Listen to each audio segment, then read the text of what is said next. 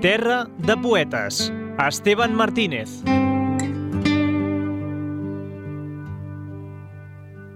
Avui llegirem un poema que forma part d'un llibre titulat Sin Esperanza, con convencimiento, del autor Ángel González, diríamos que uno de los poetas principales de la generación de los 50, y el poema gira en torno al tema universal del paso del tiempo.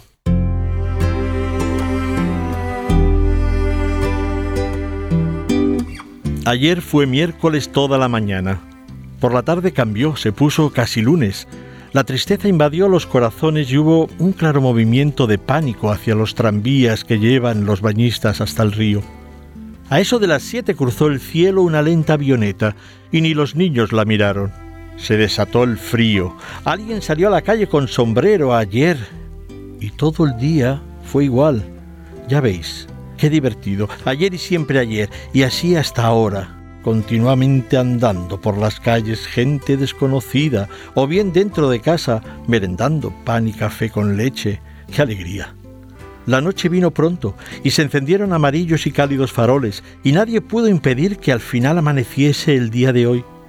Tan parecido, pero tan diferente en luces y en aroma. Por eso mismo, porque es como os digo, dejadme que os hable de ayer, una vez más de ayer, el día incomparable que ya nadie nunca volverá a ver jamás sobre la tierra.